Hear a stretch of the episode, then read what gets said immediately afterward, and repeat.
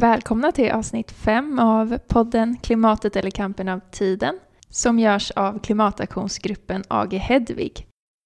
Idag så ska vi snacka om industriellt jordbruk och eh, kampanjen Free the Soil som vi är med i.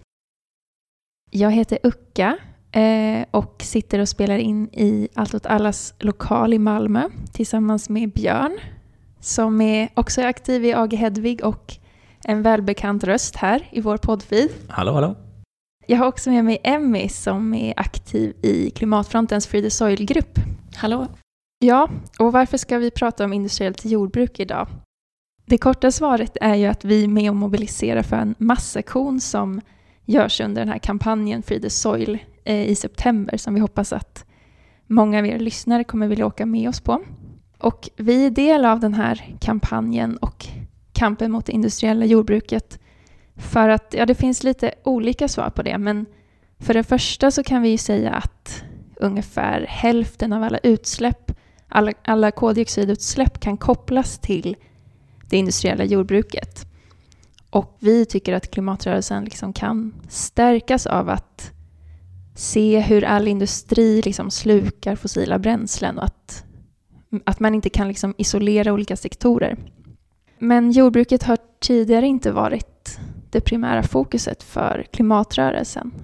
Och där har Free the Soil växt fram ur en diskussion om liksom aktivismens roll och vad den radikala klimatrörelsens roll är i en tid när alla liksom är emot fossila bränslen.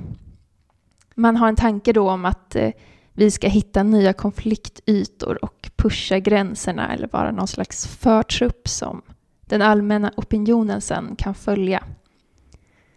Och en del av detta är då att liksom avslöja och angripa stora klimatbovar som, som innan har gått under radarn lite grann. Ja, sen kan man ju också tillägga att det kommer massa andra miljöproblem och sociala problem kopplat till det industriella jordbruket.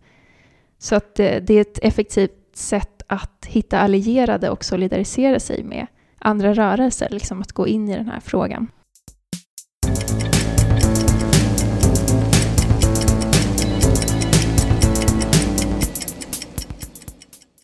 Men kan vi börja med att klargöra liksom, vad menar vi när vi säger industriellt jordbruk? Ja, jag skulle väl ändå vilja säga att industriellt jordbruk i mångt och mycket är jordbruk som vi känner det idag. Den allra största delen av maten vi konsumerar idag är ju framställd på industriellt sätt. Men om man ska liksom bena ut vad industriellt jordbruk är liksom rent konkret kan man väl säga att det ehm, kännetecknas av specialisering, vilket innebär att varje bonde eller producent ägnar sig åt produktion av då en eller några få olika grödor. Vilket då kan ses som en stor skillnad till hur jordbruket var upplagt förr, där man då fokuserade på en större portfolio av då grödor och också av mekanisering, där man använder maskiner. De är ju då, ska man väl säga, uteslutande drivna av fossila bränslen. Och man kan också se en koncentrering av produktion till större gårdar. Ehm, man kan också se liksom en, vad ska man säga, det är väldigt stora ytor som används till produktion av samma gröda. Eh, vilket då knyter an till de tidigare punkterna. Man kan ju också säga att det är en väldigt avpolitiserad fråga, det här med matproduktion. Att det känns som en ganska självklar sanning att alla behöver mat och att vi kanske inte tillbringar så mycket tid på att tänka på hur den produceras mer än att den ska produceras. Och rent globalt kan man väl också säga att både FN och EU och stora internationella aktörer och enskilda stater också tenderar att se hunger, hungersproblem och svält i vissa delar av världen som en konsekvens av att vi producerar för lite mat.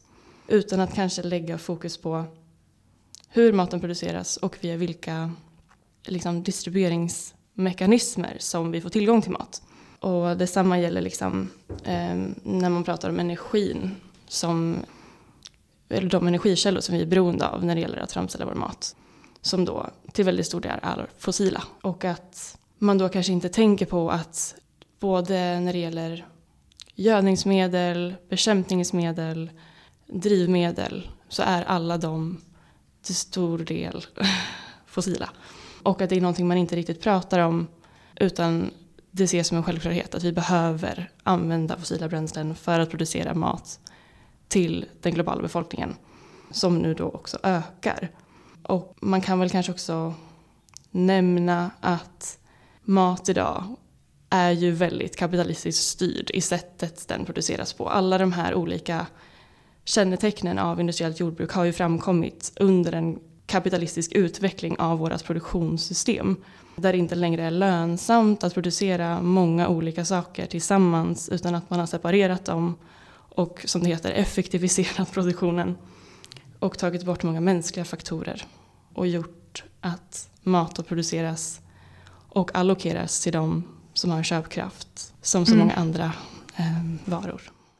Men det är också viktigt att nämna att det är inte liksom bara kapitalismen som har skapat den utvecklingen, utan det är också någonting som liksom promotas av typ FN och USA och andra stora institutioner som liksom subventionerar eh, ja, alltså industriellt jordbruk och liksom pushar på den utvecklingen. Ja, um, absolut. Och det kan man också se som en, en, ett kännetecken av ekonomin i stort. Och själva diskursen som, som ser det som nödvändigt att för att producera mat så effektivt som möjligt så behöver vi industriella insatser. Om man ska dra det liksom väldigt kliniskt så innan den industriella revolutionen, de flesta av de metoder som vi använder idag uppkom så klarade vi oss på energikällor som finns liksom ovan jord. Vi behövde inte hålla på att utvinna olja och kol och gas för att producera vår mat. Utan det har liksom varit en, eller blivit sett som en effektivitetssmart handling. Så att vi klarade oss väldigt bra utan. Men förutom att, eh, att det, det slukar så mycket fossila bränslen, liksom varför är det dåligt med industriellt jordbruk då? Det är väl bra att vi skapar så himla mycket mat? Ja, men det finns en, det finns en hel del olika konsekvenser som vi pratar om eh, som, som negativa. Det stämmer att, att vi är en ökande global befolkning som har allt mindre areal att, att odla på för att skaffa mat. Men jag, vi ser liksom inte något direkt, det finns inget direkt samman, samband mellan att mer mat automatiskt betyder mindre svält. En konsekvens är ökad matosäkerhet. Det vill säga att de ekonomiska faktorerna gör att vissa inte har råd att köpa mat, precis som Emmy var inne på innan. Och det är mycket mat som odlas i vissa ställen i världen men som sedan exporteras till andra länder. Vilket betyder att på vissa platser där man odlar jättemycket mat och där det finns bra förutsättningar för att odla mycket mat kan det samtidigt råda svält. Ja, och en annan punkt värd att ta upp är ju att med industriella metoder där man tillsätter kemikalier till jordar så innebär det ofta att man, eller ja, jag vill säga alltid, att man bryter med naturens egna näringscykler som gör att när jorden inte längre kan leva på sina, liksom, sina egna processer som den själv har för att bibehålla bördighet så behöver man ju tillsätta ännu mer kemikalier för att, ja, men för att utrota skadedjur och för att också ja, men bibehålla bördighet. Så det finns en, vad ska man kalla det, en regel som säger att en gröda aldrig kan innehålla mer näringsämnen än jorden som den växer i. Vilket ju gör att när det finns jordar som helt enkelt behöver konstgjord andning för att liksom fortfarande leverera mat så är de grödorna inte alls lika näringsrika som de skulle vara i en levande och välmående jord. Vilket ju gör att vi behöver helt enkelt äta mer för att tillfredsställa våra näringsmässiga behov. Och sen påverkar ju också den utbredda monokulturen av odling i utbudet av vad vi äter. Det vill säga att man kanske äter mer ensidigt än vad man gjorde förr. Mm, absolut, ja. Eh, en annan konsekvens är att vi hela tiden i det industriella jordbruket behöver köpa in inputs. Eller det liksom är investeringstätt. Det vill säga vi behöver köpa fröer, bekämpningsmedel, konstgödsel och teknologi. Vilket gör att små aktörer slås ut. Ja, och det, man kan ju säga att små producenter liksom blir antingen utslagna och tvingas sälja sin mark till större företag eller liksom blir någon form av liksom marionetter som blir helt beroende av bekämpningsmedel, gödningsmedel, Mm. fröer från de här stora företagen som Mm. dominerar industrin. Mm. Ja, för när man väl har börjat med att använda de här inputsen så har man ju försatt sig i ett beroende av dem. Absolut, och lobbyn är ju väldigt stark för att börja använda dem eller få, få bönder att börja använda dem. Mm. Och ja, men som vi har varit inne på innan, fossilberoendet för framställningen av alla de här inputsen och även fosfor som är liksom en mineral som det finns stora gruvor som utvinner. De är ju naturligtvis inte förnybara. Vad använder man fosfor till? Det är en väldigt, väldigt vanlig del av kemiska eh, gödningsmedel. Eh, och det vi ska prata om mest i det här avsnittet är väl kanske kväve. En, en, annan, en annan konsekvens är att när man använder mycket eh, konstgödsel eller andra gödningsmedel så de här gödningsmedlen stannar ju inte på åkern som man ja, lägger ut dem på utan de har ju en benägenhet att med regnvatten och med grundvatten sprida sig till eh, andra vattendrag och då uppstår det vi kallar för övergödning Mm. som vi, vi ja, drabbas mycket av i, i Sverige till exempel. Ja, Och det i sin tur leder också till att arter utrotas. Ja, men när man använder bekämpningsmedel framförallt så, så används de ofta för att slå ut vissa typer av skadedjur Mm. som naturligt har en annan art som de blir ätna av. Mm. Vilket gör att det skapas liksom överpopulationer av vissa Mm. arter. Och för att då den här utvecklingen hela tiden liksom det eskalerar, vilket gör att man till slut behöver sådana medel som utrotar allting Mm. för att göra det gångbart helt enkelt. Gör en sån här typisk mänsklig sak att man går in och Mm. pillar i, bi, alltså i ekosystem som man inte riktigt förstår komplexi- komplexiteten av. Liksom. Nej, precis. Lite hybris kanske. Verkligen. Ja. Och den sista, eller en, en, en annan punkt, inte den sista, en annan punkt är att det industriella jordbruket är extremt vattenkrävande. Och att bevattningssystem, dels är de beroende av fossila bränslen som kraftkälla, Mm. men det utarmar ju också vattenreservoarer. Ja, man kan ju säga att när, eh, när odlingar blev större, det går ju allting, allting går ju hand i hand i det här. Det är ju, när har man, har man en större odling behöver man ju maskiner för att kunna hantera dem. Om man inte har otroligt eh, många anställda som kan hjälpa en med det.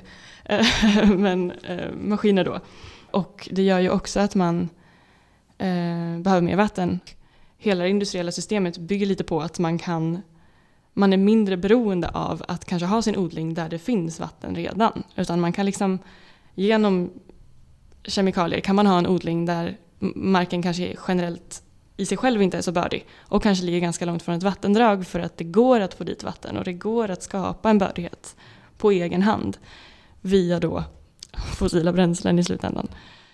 Ja, de pratar också mycket om att, att eh, vi tömmer globalt och betömmer så kallade fossila vattensamlingar, det vill säga under eh, jordiskt vatten eller vatten, grund, grundvatten som liksom inte naturligt fylls på av regn eller annat, Mm. utan som ja, bara finns där och sen Ja.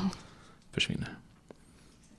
Ja, och sista punkt är det här med att expansion i, i någon slags så kapitalistisk logik så kräver ju tillverkning en konstant eh, tillväxt eller expansion. Och i jordbrukssektorn så består ju det oftast av att man försöker på olika sätt tillskansa sig ny mark. Och i de flesta länder, kanske inte i Sverige så mycket, men på andra ställen i, i världen så innebär det här att man, att man odlar upp mark som tidigare var skog. Det vill säga det leder till skogsskövling och ja, enorma avverkningar av skogsområden. Ja, men det här är ju, eh, det kan man tillägga när man pratar om så här att vi behöver mycket mat. Att generellt för industriellt jordbruk är att det liksom är mycket mindre effektivt än traditionellt eller icke-industriellt jordbruk om man ser på hur mycket inputs man lägger in. Alltså att om man tittar på hur mycket energi, vatten, mark och, och faktiskt också arbete som krävs så får man ut mindre mat per liksom investerad enhet. Och det handlar ju om att man inte använder sig av eh, naturens egna processer som, som annars liksom gör väldigt mycket arbete åt oss i ett icke-industriellt jordbruk eller i, i traditionella metoder. Så om vi ska sammanfatta så är ju då den industriella jordbruks jordbrukssektorn eller det industriella jordbrukskomplexet då dels fossilberoende, vilket ju i sig självt innebär att det inte är hållbart. Vad en internationella organisationer försöker få det att verka så Verkligen. kan man inte lägga till adjektivet hållbart i den här ekvationen för att det, det går inte ihop sig. Men också sättet som mat distribueras på eh, är i sig självt väldigt ojämlikt och det knyter också an till hur mark används för jordbruksproduktion idag. Och även påverkan som det här systemet har på biodiversitet och även bördighet i det långa loppet. Mm. Och vi kan också se alltså att en, en kamp mot det industriella jordbruket kan också vara en väldigt bra samlingspunkt för olika kamper. Det öppnar upp samarbeten som där man kan koppla ihop olika kamper. Till exempel i fråga om markanvändning så finns det ofta en, vad ska man säga, en, eh, antiimperialistisk eller en så antikolonial, neokolonial kamp. Det vill säga att det rör ofta ursprungsbefolkning och så vidare som man kan koppla då till en klimatkamp. Men vi kan också, vi kan också se att det finns en global klassfråga här i, i fördelningsdelen av problematiken. Och, och kan också se att det, det, finns liksom en koppling till rättighetsfrågor. Och i flera fall rör det sig kön och genus beroende på vilken del av eh, den här produktionskedjan man står. Mm. Eller blir det som att den här kampen kan det blir ett utrymme där vi kan solidarisera och gå samman med varandra.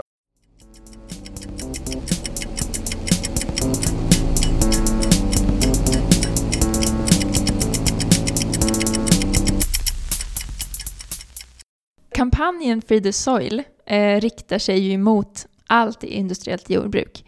Men eh, man har fokuserat på en del av det, alltså konstgjorda gödningsämnen. För att det är en strategiskt väldigt viktig punkt i det här. Det är viktigt för att liksom, utan det skulle det industriella jordbruket inte fungera. Och en annan strategisk grej är att det har en nära koppling till utsläpp av växthusgaser också. Vilket gör att klimatrörelsen då ska vilja haka på. eh, Annars hade vi skitit i det.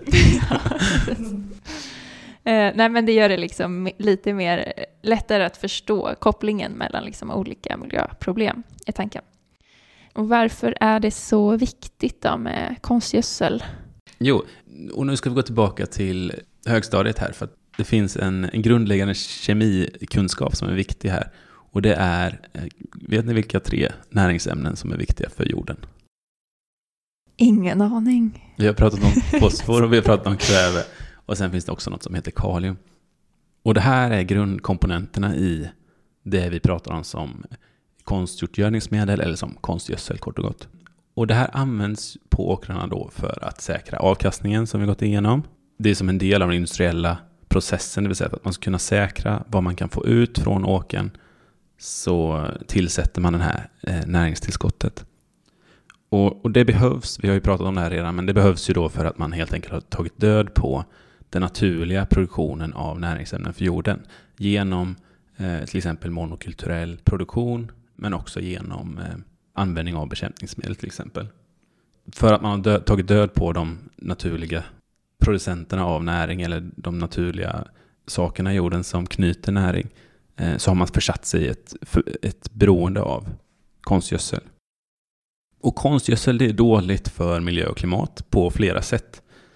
Dels därför att den här biomassan i jorden som vi pratade om innan som återskapar näringen också knyter koldioxid till sig. Så när den inte finns i jorden så är jordens förmåga att knyta koldioxid sämre, det vill säga när inte koldioxiden är i jorden så är den istället i luften. Mm. En annan del är att all det här konstgödslet som vi släpper ut på åkrarna, speciellt kvävebaserad konstgödsel, det håller sig inte på åkrarna. Dels försvinner det ut, som vi pratar om, i, i grundvattnet eller i, i olika vattendrag. Men upp till 1% av det kvävebaserade konstgödslet försvinner också upp i atmosfären. Då skapas, eller det som försvinner är lustgas som är en väldigt, väldigt stark växthusgas. Den här 1% av allt som läggs ut på åkrarna som försvinner upp i atmosfären motsvarar ungefär utsläppen från 72 miljoner bilar. Vilket är en tredjedel av alla fordon som finns i USA ungefär. Oh, wow. Så det ger en väldigt, väldigt stor påverkan på, på klimatet.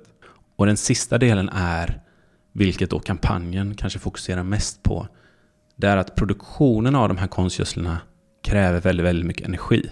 Och totalt sett så pratar vi då alltså om mellan 1-2 procent av jordens hela energikonsumtion som går åt till produktionen av konstgödsel. Mm. Och hela den här industrin då, för det är en jättestor industri, den domineras av väldigt, väldigt få aktörer och de få aktörerna får ju då i sin tur en väldigt, väldigt stor och viktig makt över hela världens matproduktion. Mm.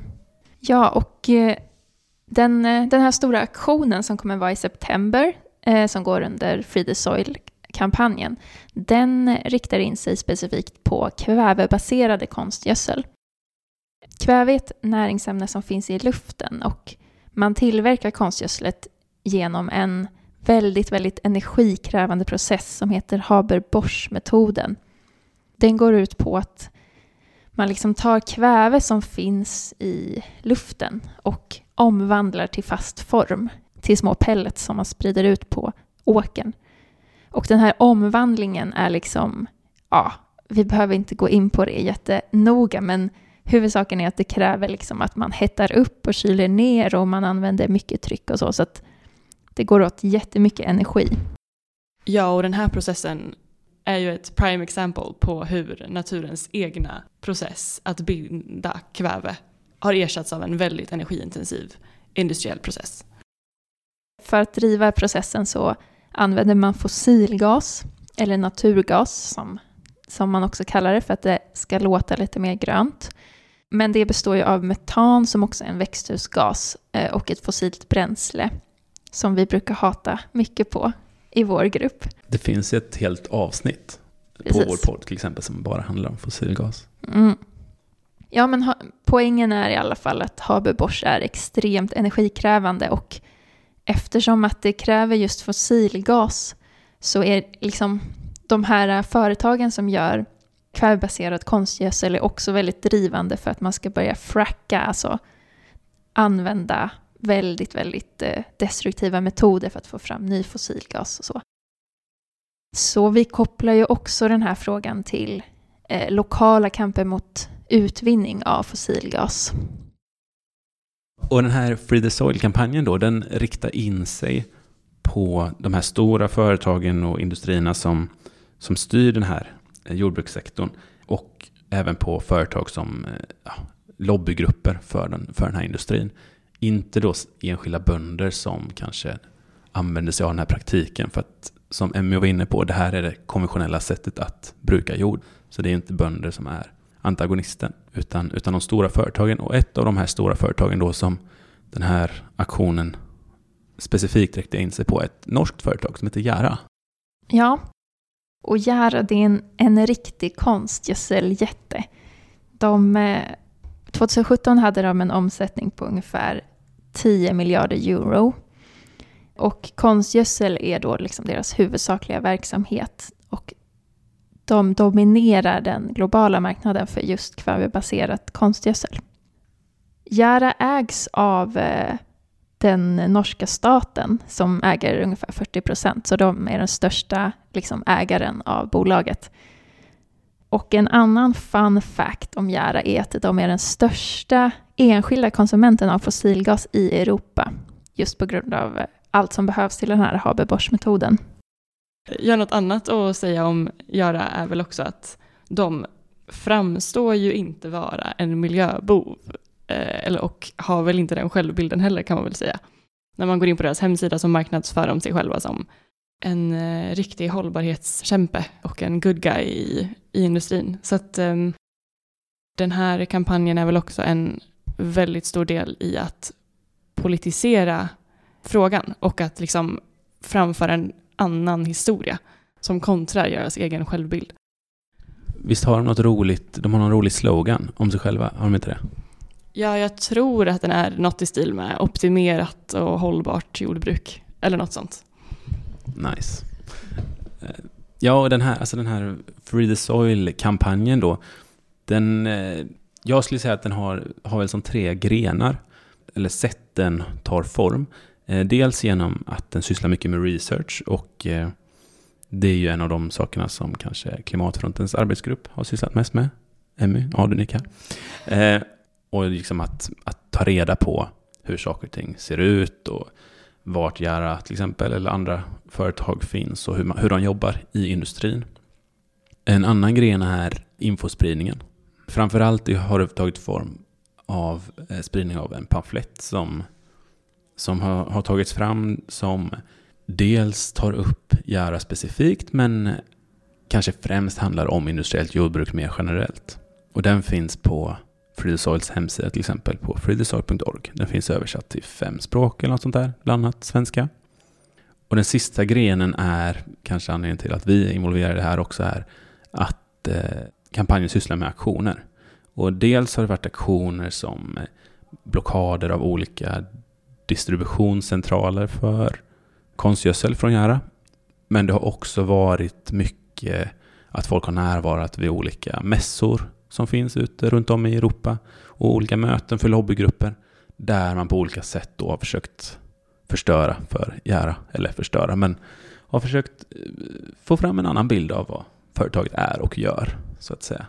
Det finns mycket roliga bilder att se på internet när folk går runt utklädda i sådana här ah, stora påsar, pelletspåsar till exempel. Det är väldigt kul. Och en eh, del av den här aktionsgrenen är ju också då här, den här massaktionen och det här klimatlägret som vi är anledningen till att vi spelar in det här avsnittet som vi vill mobilisera inför. För det är nämligen så här att i september, den 19-25 september, så kommer det arrangeras ett agroecology camp i en stad som heter Brunsbüttel, som ligger i norra Tyskland. Åtta mil nordväst om Hamburg ungefär, så det är väldigt nära den danska gränsen och väldigt nära oss. Och eh, på det här lägret så kommer det vara flera dagar av workshops och föredrag och, och annat. Det kommer mycket fokus på dels vad som är dåligt med industriellt jordbruk, men det kommer också vara mycket fokus på, som namnet säger, agroecology, alltså alternativ till eh, det industriella jordbruket. Ja, och det här eh, campet kommer avslutas med en massaktion som riktar sig mot en av Jaras eh, fabriker där de tillverkar konstgödslet, där de har den här Haber-Bosch-processen. Så det kommer vara en eh, civil olydnadsaktion. Vi har väl inte jättemycket att säga om den, men den kommer väl likna aktioner som NDG Lände i att det är olika fingrar som försöker ta sig någonstans och blockera någonting på olika sätt. Ja. Eh, och man kanske inte vet så mycket mer än så förrän man kommer dit. Man kan ju lyssna på vårt avsnitt tre där vi pratar mer om NDG Lände och även kommande avsnitt kommer handla om NDG Lände om man vill få mer en känsla av hur det är att vara på en sån aktion. Mm, och lite, få lite förståelse för vad, vad det här fingrar är till exempel. Mm. Och så vidare. Om man vill åka dit så kommer det antagligen att arrangeras bussar från Sverige planen är att vi kanske ska arrangera en buss som startar i Göteborg och sen går förbi Malmö till exempel. Men om det inte löser sig, om det inte går, så kommer vi se till att det kommer finnas övernattningsplatser i Malmö eller Lund. Så att personer som kommer från andra delar av Sverige kan komma hit, sova där innan eller efter campet och sen åker vi gemensamt med de danska bussarna från Köpenhamn. Mm. Och om man vill ha kontakt, om man vill veta mer om Free the Soil. Ja. Då, då kan man gå in på kampanjens hemsida som är freethesoil.org som jag sagt innan. Och där kan man också hitta mejluppgifter och sånt. Om man har frågor om eh, transport och resa från Sverige så kan man vända sig direkt till oss på aghedvig.risa.net. Yes. Och om man skulle vilja engagera sig i kampanjen på hemmaplan, finns det något sätt man kan gå med i den här Free the Soil-gruppen i klimatfronten? Ja, det finns det. Det är bara att hålla utkik på Facebook, är väl det enklaste, på klimatfronten. Eh, och hålla utkik efter öppna möten man kan komma på. Och så kan man prata med någon av oss när man väl är där. Så berättar vi om sätt man kan engagera sig på. Perfekt.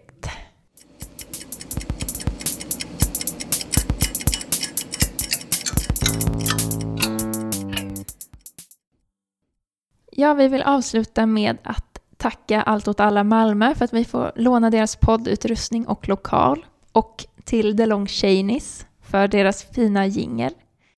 Och så hoppas jag att vi ses på Free the Soil i Brunnsbyttel